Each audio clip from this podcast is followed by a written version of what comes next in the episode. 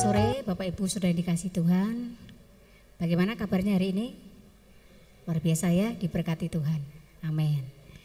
Ya, tidak terasa ya Bapak. Iya terasa ya. Kita sebentar lagi akan merayakan Natal minggu depan ya. Dan nuansanya pasti sudah semakin ya kita rasakan, semakin kita nikmati. Baik, Bapak Ibu Saudara, sebelum kita akan memulai ibadah saat ini, saya akan membacakan beberapa pengumuman yang perlu diperhatikan. Mungkin tadi waktu masuk Bapak Ibu Saudara sudah menerima buletin ya. Bisa diperhatikan di situ untuk beberapa laporan kegiatan minggu yang lalu, juga untuk pembacaan Alkitab sepanjang sepekan ini, lalu para petugas e, minggu ini juga bisa Bapak Ibu perhatikan di situ hanya saja saya hanya menekankan untuk uh, kotak keranjang sosial ya sudah di uh, hari ini terakhir ya Bapak Ibu untuk pemberian uh, aksi Natal berupa sembako, beras dan lain sebagainya.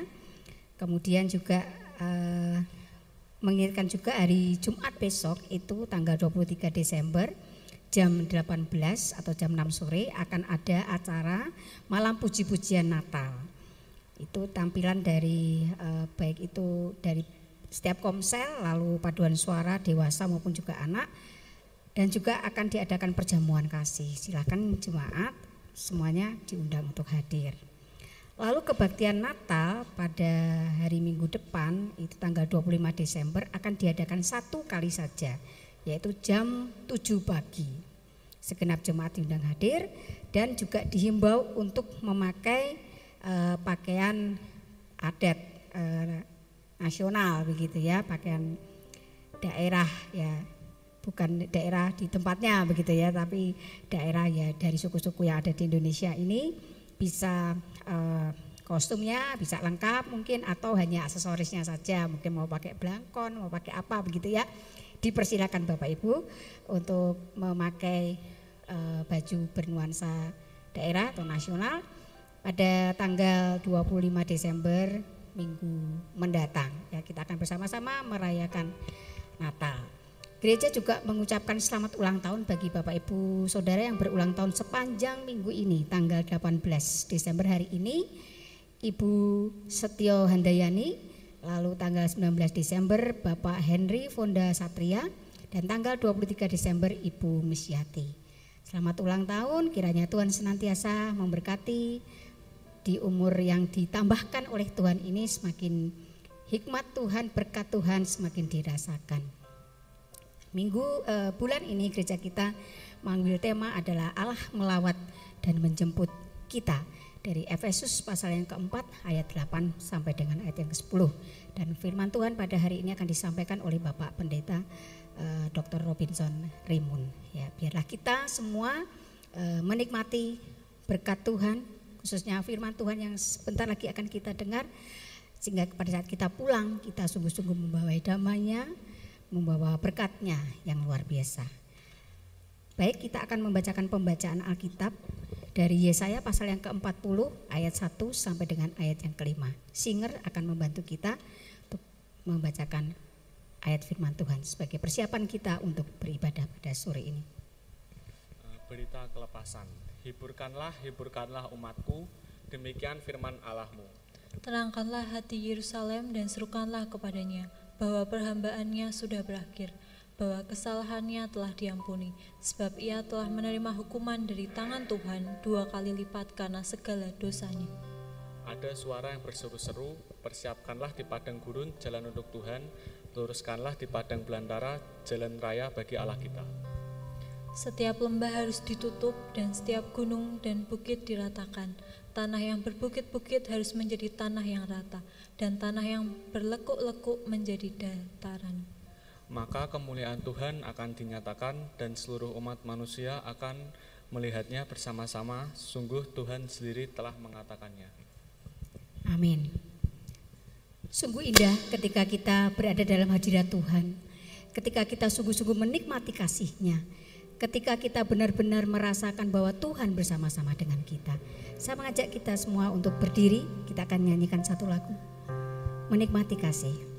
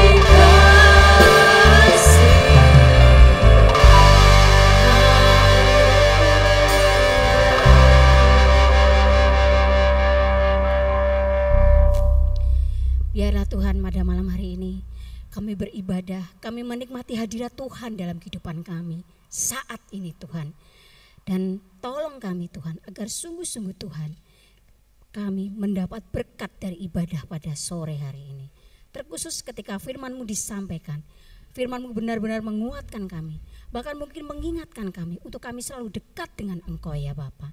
Kami serahkan Tuhan untuk setiap kami ambil bagian dalam pelayanan hari ini, khususnya hamba-Mu yang akan menyampaikan kebenaran firman-Mu. Tolong Tuhan, tolong kami Tuhan. Dan khususnya jemaat pada saat ini yang hadir, pada saat kami pulang Tuhan, kami sungguh-sungguh membawa berkat-Mu, damai-Mu, sukacitamu. Terima kasih Tuhan, inilah doa kami yang kami naikkan hanya dalam namamu. Amin. Baik Bapak Ibu Saudara masih berdiri ya? Masih ya? Masih. Ya kita mau bersuka cita saat ini. Kita mau nyatakan bahwa Tuhan itu adalah Raja. Dia luar biasa dalam kehidupan kita. Dia Raja.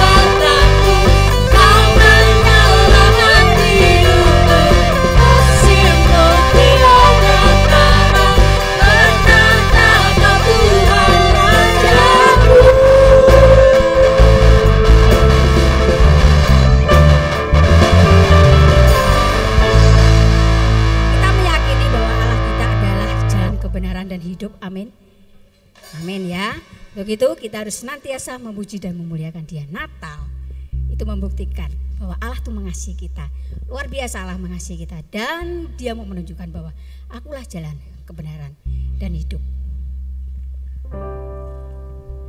Aku jalan kebenaran dan jalan kehidupan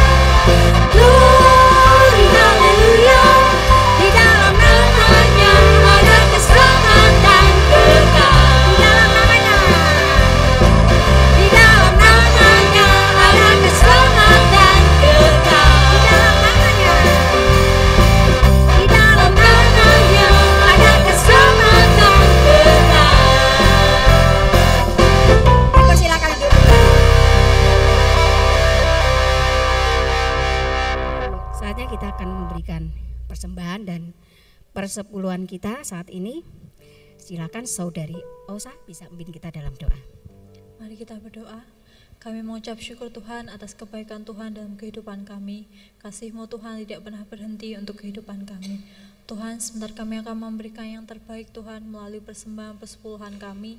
Biarlah apa yang kami berikan boleh menjadi berkat bagi pelayanan gereja kami, bagi lingkungan di gereja kami juga Tuhan. Kami mau menyerahkan persembahan persepuluhan ini ke dalam tangan kuasa-Mu saja Tuhan Yesus. Haleluya. Amin. Amin. Sementara kantong persembahan didengarkan kita akan nyanyi Aku diberkati, aku dilimpahi.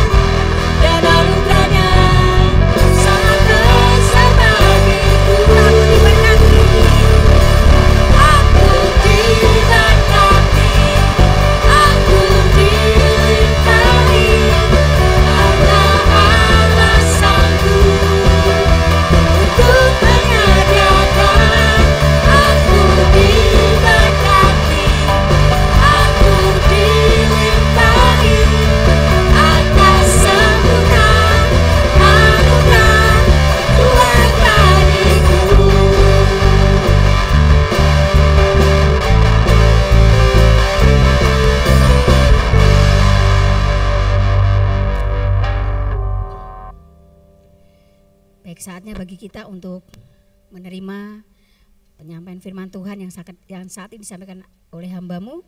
Kita akan mempersiapkan diri, kita akan nyanyikan satu lagu Natal, Natal di hatiku.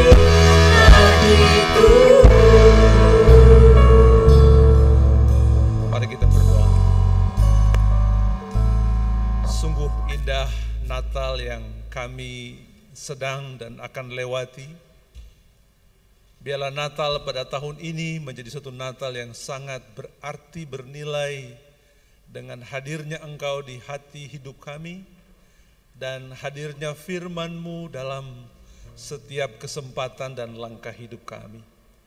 Biarlah firman-Mu Tuhan yang akan kami dengarkan, akan menyegarkan kerohanian kami, hidup kami, sehingga kami melangkah hidup sesuai dengan yang Engkau kehendaki. Urapi hambamu sebagai pembicara, sebagai pengkhotbah, dan kami semua yang mendengarkan juga Engkau bukakan mata pikiran pendengaran kami tertuju kepada Engkau dan firman-Mu saja. Ampuni kami Tuhan dalam nama Yesus kami berdoa. Amin. Shalom semuanya.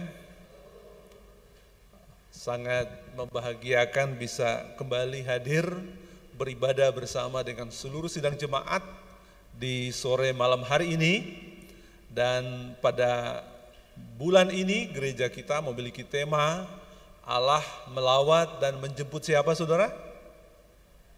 Menjemput orang lain, menjemput kita. Oke. Mari kita membuka firman Tuhan di dalam kitab Matius pasal yang kedua. Kitab Matius pasalnya yang kedua, ayatnya yang pertama sampai ayatnya yang ke-12. Matius pasalnya yang kedua cukup dikenal uh, pembacaan ini. Saya mengajak sidang jemaat untuk membacakan yang bernomor genap, saya akan mulai dengan yang bernomor ganjil. Sesudah Yesus dilahirkan di Bethlehem di tanah Yudea pada zaman Raja Herodes, datanglah orang-orang Majus dari timur ke Yerusalem.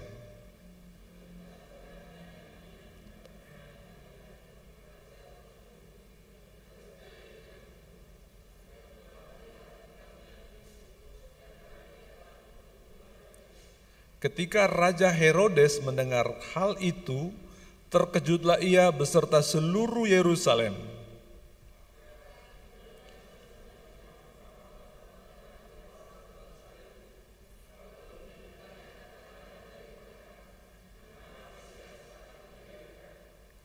Mereka berkata kepadanya, "Di Bethlehem di tanah Yudea, sebab demikianlah ada tertulis dalam kitab nabi."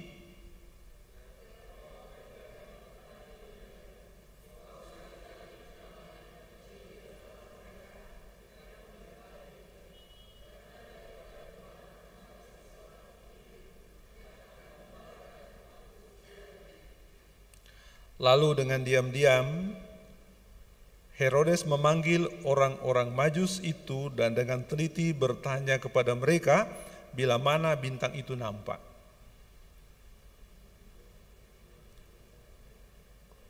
Ayat 8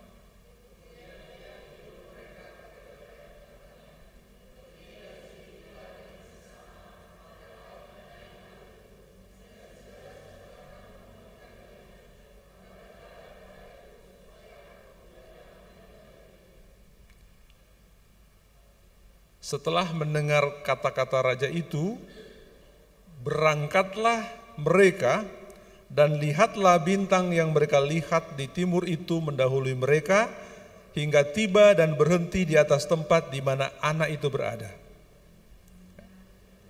Ayat 10. Maka masuklah mereka ke dalam rumah itu dan melihat anak itu bersama Maria ibunya, lalu sujud menyembah dia, mereka pun membuka tempat harta bendanya dan mempersembahkan persembahan kepadanya, yaitu emas, kemenyan, dan mur bersama-sama.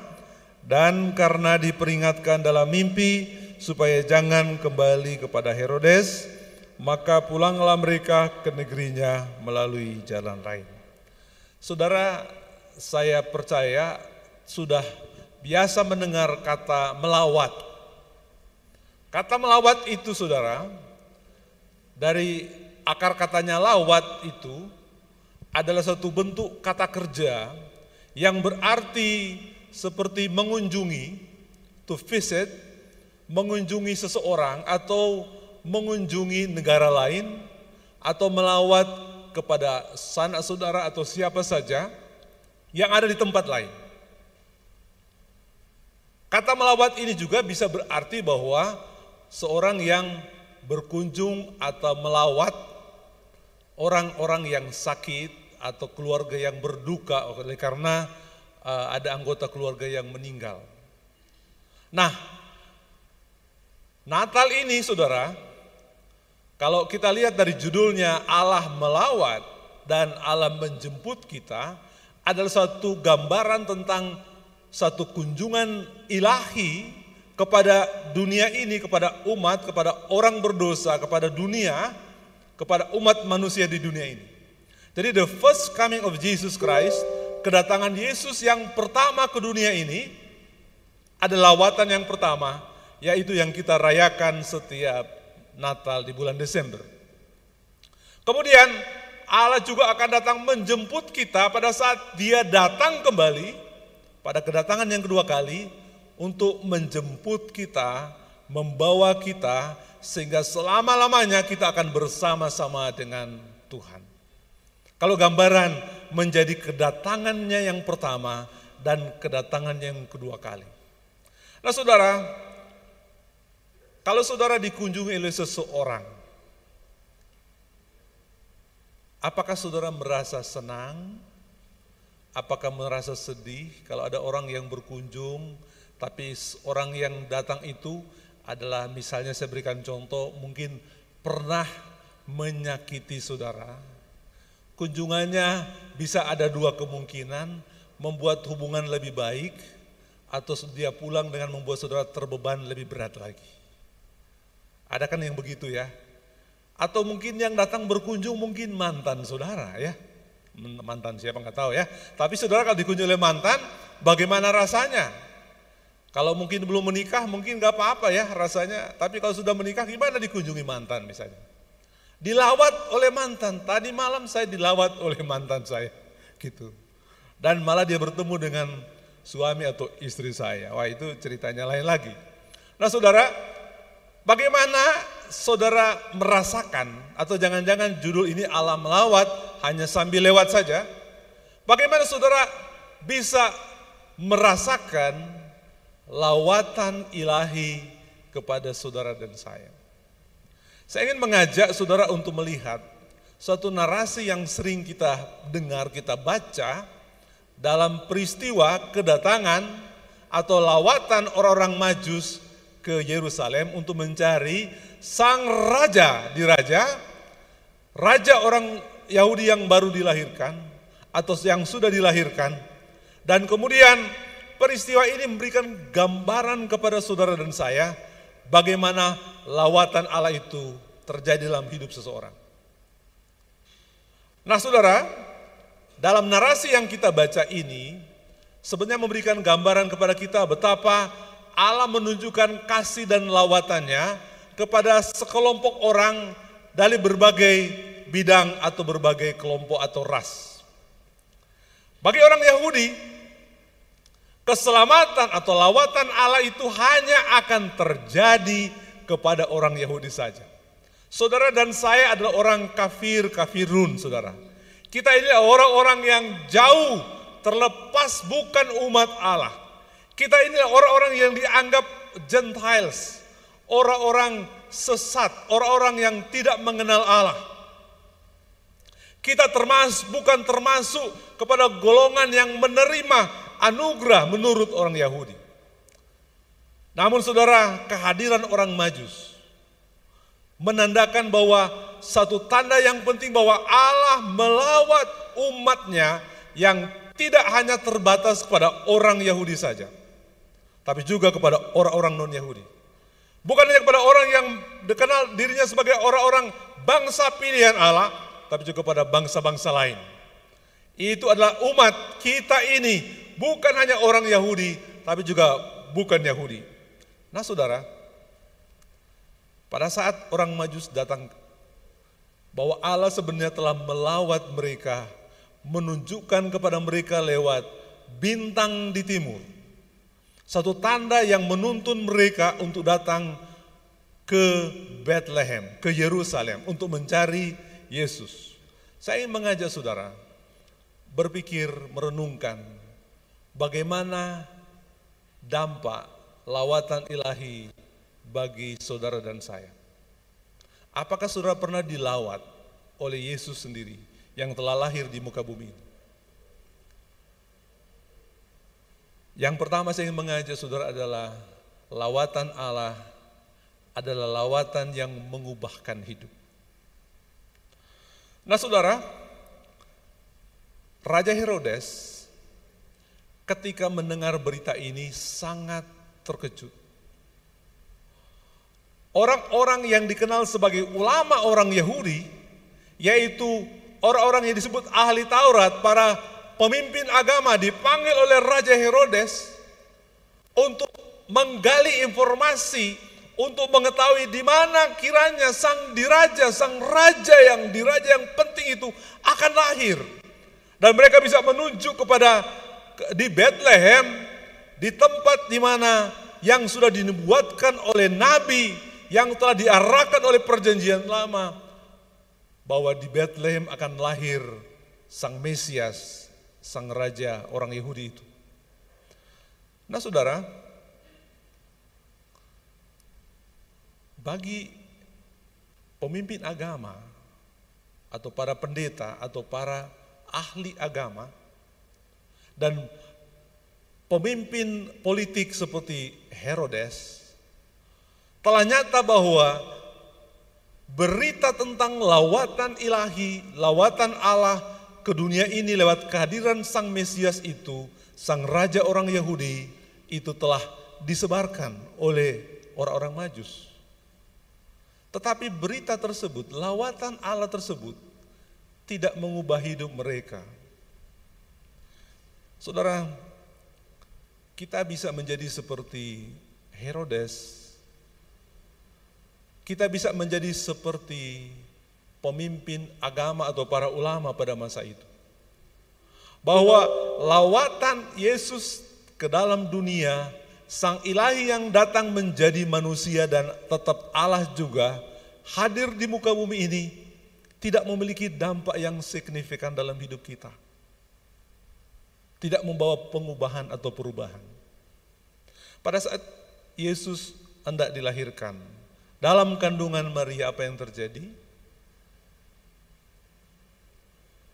Mereka datang ke Bethlehem karena sesuai dengan sensus yang diadakan, mereka harus ke sana karena mereka adalah keturunan dari Raja Daud dan mereka harus mengikuti sensus kependudukan yang ada di Bethlehem, tapi rupanya orang-orang Bethlehem itu banyak yang telah terpencar dan merantau. Sehingga ketika mereka datang, dari keturunan mereka datang ke Bethlehem, banyak penginapan telah penuh dan mungkin juga kosong.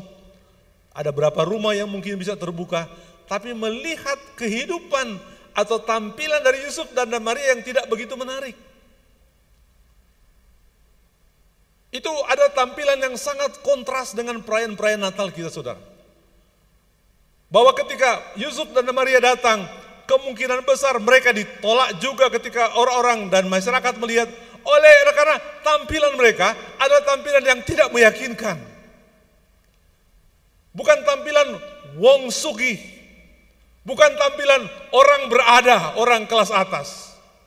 Mereka mungkin tidak datang dengan berbagai pernak-pernik, naik unta yang dengan mewah tampilan yang luar biasa. Sehingga masyarakat silakan bapak ibu datang pakai ruangan ini. Dibayar pun nggak apa-apa, di, ah, maksudnya nggak dibayar pun nggak apa-apa. Tapi kalau dibayar kami terima dengan senang hati misalnya. Atau mungkin hotel akan menerima, penginapan akan menerima. Tapi yang terjadi, Sang ilahi yang datang melawat umat manusia yang mau dilahirkan. Tidak ada tempat bagi Yesus untuk lahir di tempat terhormat pada masa itu. Dan harus ke mana saudara? Harus ke kandang. Pada saat ini di gereja-gereja yang mewah dan tempat kita, kita menampilkan kandang seperti ini, tapi juga dengan berbagai kemewahan di sekitarnya. Saudara membayangkan pada saat Yesus dilahirkan kita tidak di sini tidak tidak melakukan simulasi bau apa namanya kandang. Saya tidak membayangkan kalau misalnya pendeta kita ya membawa kotoran binatang dan ditaruh di sekitar sini supaya benar-benar kita harus merasakan saat itu. Kemudian ada bau dan suara-suara yang di kemudian tampilan lampu mungkin dibuat agak sedikit remang atau gelap seperti yang dialami oleh Yesus ketika dia lahir untuk menggambarkan keadaan. Sudah bayangkan ini keberadaan dan sebenarnya inilah gambaran keberdosaan kita bahwa kita dalam kegelapan yang tidak membuka hati. Yesus sendiri telah datang ke dalam dunia. Yohanes pasal 1 mengatakan bahwa dia datang kepada milik umat kepunyaannya, tapi mereka tidak mengenalnya. Mereka tidak menerimanya. Nanti ketika datang lihat perusahaan saya ini ya, nanti saudara bisa uh, kerjasama dengan saya. Atau dia datang ke gereja yang besar tujuannya supaya bisa kenalan dengan koneksi yang lebih baik. Karena berbagai macam orang motivasi untuk menjadi orang Kristen, saudara. Dan saudara, ini yang terjadi ketika orang-orang majus itu datang. Saya tidak bisa membayangkan perjalanan mereka.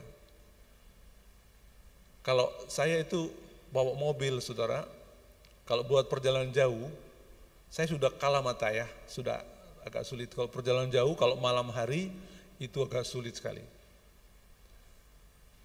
Tapi saudara, kalau saudara mengubah perjalanan dari biasanya perjalanan siang, mengubah perjalanan malam itu tidak gampang.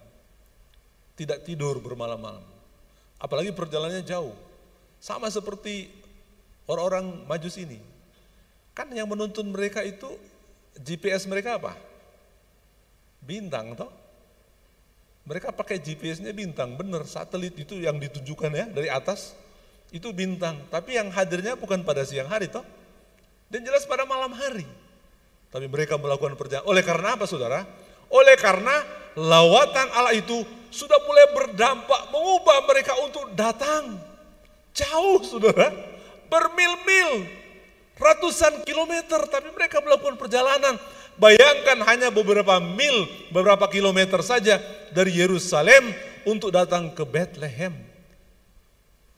Tapi Raja Herodes dan para pemuka agama tidak mau datang. Kenapa? Itu tidak mengubah hidup mereka.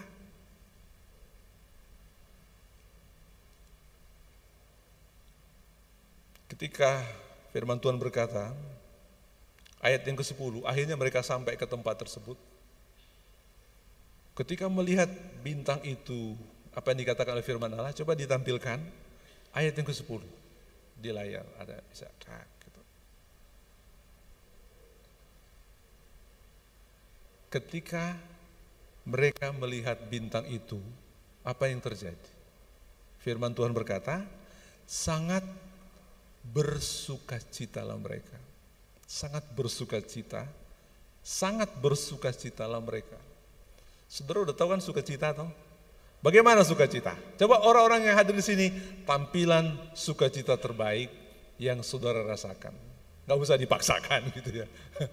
Tapi saudara, ketika melihat bintang tersebut, ini bintang Bethlehem, ketika menemukan melihat bintang itu, sangat bersuka cita mereka karena bintang itu telah menuntun mereka dan mereka tiba di rumah itu saudara. Udah sampai di rumah, melihat itu dan melihat bintang tepat berada di atas rumah itu dan juga tanda sudah jelas mereka akan bertemu dengan sang Mesias, sang raja orang Yahudi raja besar ini yang adalah Allah manusia telah datang ke dalam dunia, mereka sangat bersuka cita. Saudara, kalau itu Yesus datang melawat kita bisa mengubah kita. Firman Tuhan telah katakan dari perjanjian lama bahwa dia akan mengubah duka cita itu dengan sukacita. Air mata dia akan ubah. Penderitaan dia akan ubah menjadi sesuatu yang baik. Dia akan ubah segala sesuatu kesulitan yang kita hadapi. Sehingga orang-orang akan merasakan sukacita. Mengapa? Karena kita yang tadinya dari gelap, terang telah terbit. Dari kegelapan, terang telah bersinar. Itu mengubahkan saudara. Dan membuat mereka bersuka cita.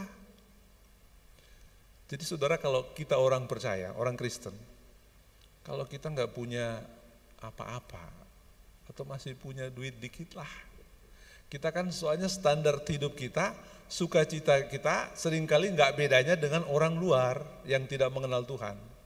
Kalau orang luar mengukur hidup sukacita karena ada duit eh, cukup, kantongnya tebel gitu. Tapi kalau sudah mulai kantong kempis, sukacita juga mulai ngikutin gitu saudara. Itu kan standar dunia. Tapi Tuhan mengajar kepada kita untuk selalu bersukacita, senantiasa bersukacita. Apalagi keselamatan telah kita peroleh.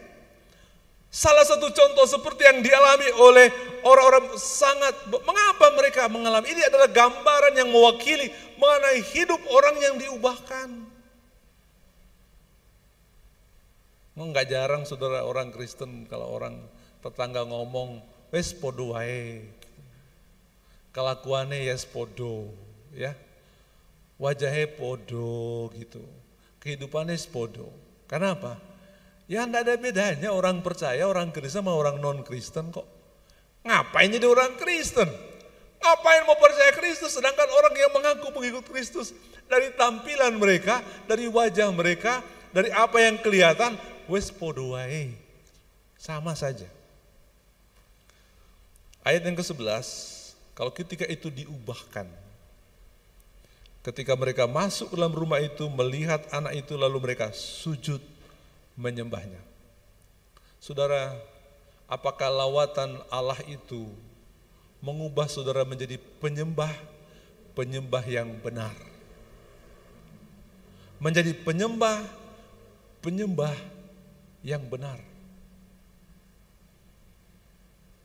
bahwa kita sungguh-sungguh menyembah Allah kita, Yesus Kristus yang adalah Tuhan kita, Sang Pencipta yang telah lahir ke dalam dunia dan telah lahir di dalam hidup saudara dan saya.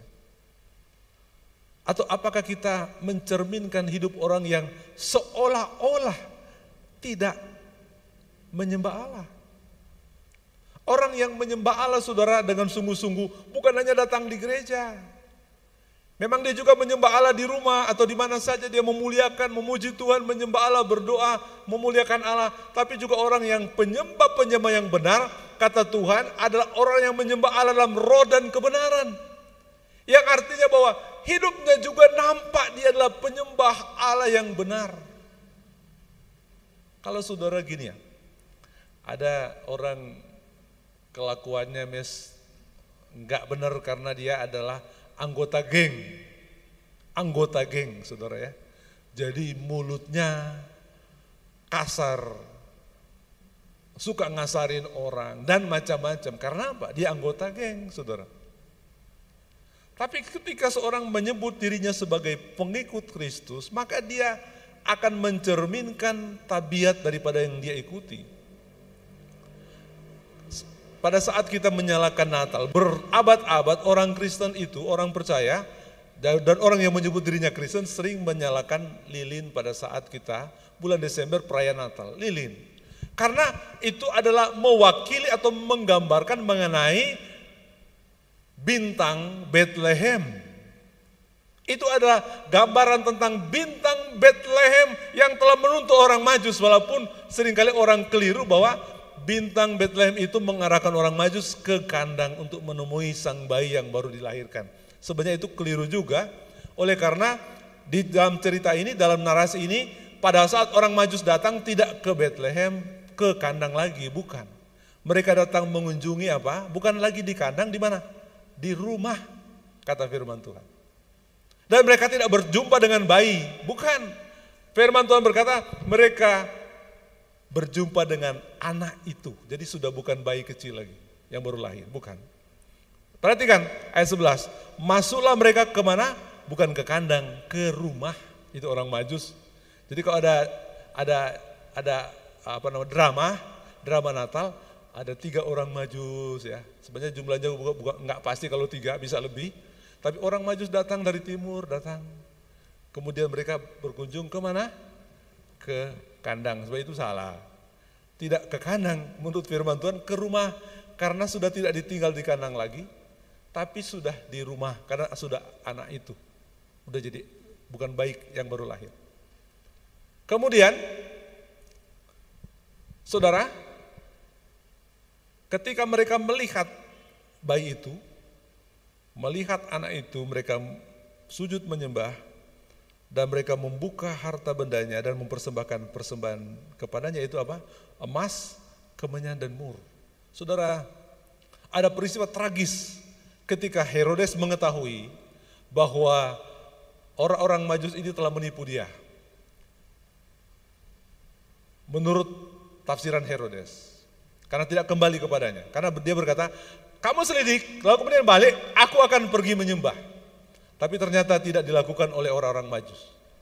Tapi saudara, apa yang terjadi bahwa, saya perhatikan, bahwa apa yang mereka berikan kepada Yusuf dan Maria telah menjadi modal yang baik sekali. Bagi Yusuf dan Maria yang keluarga miskin ini untuk lari ke Mesir. Untuk lari daripada kejaran Herodes untuk lari daripada pembunuhan yang akan dilakukan oleh Raja Herodes dengan sangat kejamnya kepada anak-anak dan bayi di Bethlehem. Itu adalah fakta sejarah saudara. Tapi yang menarik bahwa ketika orang-orang uh, majus ini datang, mereka diubahkan dan mereka mau menjadi bukan hanya penyembah-penyembah, tapi juga mereka menjadi pemberi yang terbaik bagi Tuhan. Saya tidak akan ada waktu menguraikan mengenai nilai emas, kemenyan, dan mur, dan makna simbolis, makna rohani di balik itu, saudara. Tetapi saudara, apa yang mereka berikan adalah gambaran memberi yang terbaik kepada Sang Allah yang telah melawat umatnya. Apakah saudara, dengan lawatan Tuhan, mengubah saudara menjadi pemberi, pemberi yang terbaik bagi Tuhan terutama memberikan hidup saudara kepadanya. Saya berkata tadi yang pertama, bahwa lawatan Allah adalah lawatan yang mengubah hidup. Karena itu adalah poin yang pertama dan poin yang utama. Tidak ada poin yang lain, saudara. Apakah pengubahan yang lain yang dilakukan Yesus pada orang majus? Kepada kita kalau kita mau. Kita perhatikan ayat terakhir, ayat yang ke-12. Dan karena diperingatkan dalam mimpi, supaya jangan kembali kepada Herodes, maka pulanglah mereka ke negerinya melalui jalan lain. Saudara, lawatan Allah itu hanya akan menjadi cerita klasik yang kita ikuti dari tahun ke tahun. Cerita tentang Natal. Apa yang diingat oleh Natal oleh saudara mengenai Natal? Oh tahun ini Natal ada tampilan yang luar biasa. Saya senang sekali dengan tampilan ini. Natal kali ini saya mendapat baju baru. Kalau saya ingat baju ini saya dapat di saat uh, orang tua saya memberi di tahun ini. Saya memakai kalung, gelang ini dan saya mendapat tablet yang baru mungkin oleh di tahun ini saudara. Tapi yang diingat adalah pemberian-pemberian dan kejadian. Tetapi sebetulnya lawatan yang terbaik adalah lawatan yang mengubah hidup dan yang mengubah hidup kita untuk arah yang lebih baik. Saudara, pada saat orang-orang Majus itu diingatkan untuk tidak kembali kepada Herodes, apa yang mereka lakukan? Apakah mereka kembali ke Herodes? Saya tanya, apakah mereka kembali kepada Raja Herodes? Tidak, tidak toh, nggak kembali. Karena hidup kita sering diarahkan pada dua pilihan. Jalan Herodes dan jalan Tuhan. Dan saudara mau memilih, mau ikut jalan Tuhan atau jalan Herodes. Kalau lawatan Allah bisa mengubah hidup saudara, lawatan Allah ini juga bisa mengubah kita untuk ke arah yang benar dan lebih baik. Amin. Saya mau menantang sedikit saudara ketika Allah melawat kita, maka kita pun setelah dilawat oleh Tuhan, kita saudara menerima berkat terang yang Tuhan berikan, berkat yang Tuhan berikan, dan Tuhan berkata, kamu adalah terang dunia, terang yang kita dapatkan, kita sinarkan kepada orang lain. Ya, kita menyalakan lilin setiap kali kita Natal untuk kita terangi dunia dalam kegelapan. Tapi apa benar-benar kita lakukan saudara? Melawat orang yang membutuhkan kita, memberi kepada orang yang membutuhkan kita, memperhatikan orang yang dalam kesulitan, mendengar menjadi pendengar yang baik bagi sahabat, bagi anggota keluarga, mau menolong orang yang dalam kesusahan, mau menguatkan orang yang mungkin dalam kelemahan, mau, mengambil bagian untuk mendidik orang yang perlu dididik, atau akan pergi ke tempat di mana Allah menyuruh sudah pergi. Kalau Allah melawat kita, apakah kita juga mau melawat orang yang membutuhkan kita? Saya mengajak saudara agak sedikit refreshing di akhir khotbah saya. Saudara boleh enggak berpindah tempat duduk? Kalau saudara ada di tempat, di rumah atau di mana kita berada, hanya berpindah saja untuk ke tempat yang lain, untuk merasakan bahwa kita terjadi perpindahan tempat. Karena lawatan itu, kalau Allah datang ke dalam dunia ini dari surga ke bumi, ya, lawatan Allah kan demikian. Nah kita juga dipanggil Tuhan untuk melawat orang yang membutuhkan kita. Mungkin tempatnya tidak terlalu jauh, tapi kita mau coba sedikit praktek. Nyaman enggak kita pindah tempat? Saya akan menutup dengan doa, tapi saya ingin saudara maju kira-kira 3-4 bangku untuk maju. Hanya memberi satu contoh kita mau melawat dan berpindah tempat. Oke, coba saudara, nyaman tidak? Kita berpindah coba. Silahkan, ini seriusan saudara. Berpindah tempat dulu, lebih maju ke depan. Saudara merasakan gimana? Ya, ada perasaan gimana berpindah dalam saat khotbah gitu. Oke, mau maju ke depan juga nggak apa-apa saudara. Ya, maju ke depan.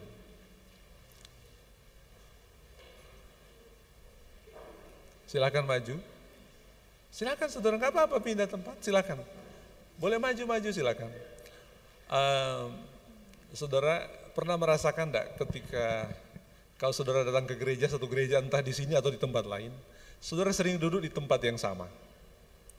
Ya, Bagaimana rasanya ketika sudah agak telat, saudara lihat, eh tempat duduk saya telah diduduki orang lain. Pernah merasakan itu enggak?